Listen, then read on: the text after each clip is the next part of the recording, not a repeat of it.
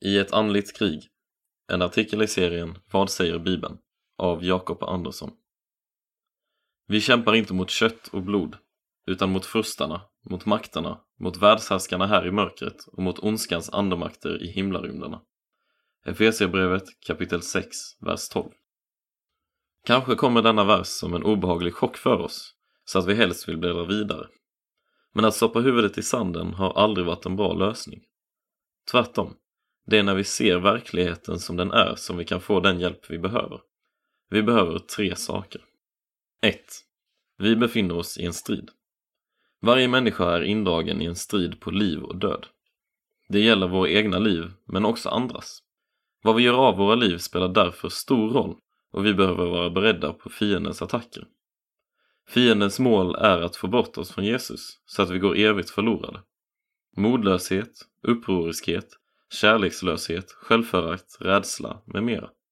Fienden har många knep för att få oss på fall. Och för att få oss att få andra på fall. 2. En osynlig fiende.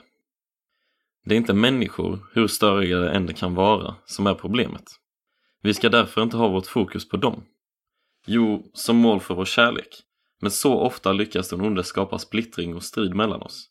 Vi som borde samarbeta och avslöja att han är vår gemensamma fiende.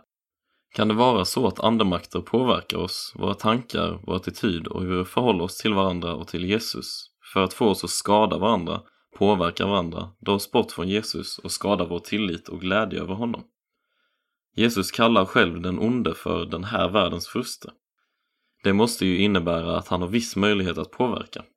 Vi måste lära oss att avslöja hans lögner och angrepp. 3. Segern är vunnen. Frågan är inte vilken sida som kommer vinna, utan vilka som kommer vara på den vinnande sidan. Jesus har redan gett de onda makterna dödsstöten. Han avväpnade härskarna och makterna och gjorde dem till allmänt åtlöje när han triumferade över dem på korset. Kolosserbrevet kapitel 2, vers 15. Därför handlar kristet liv om att behöva Jesus. Ju mer vi inser att vi behöver honom och flyr till honom, desto starkare blir vi. Även om vi i oss själva är klena. Han har ju all makt. Det är genom att ta skydd hos honom och hämta kraft i honom som striden kan vinnas. Det behöver vi göra varje dag.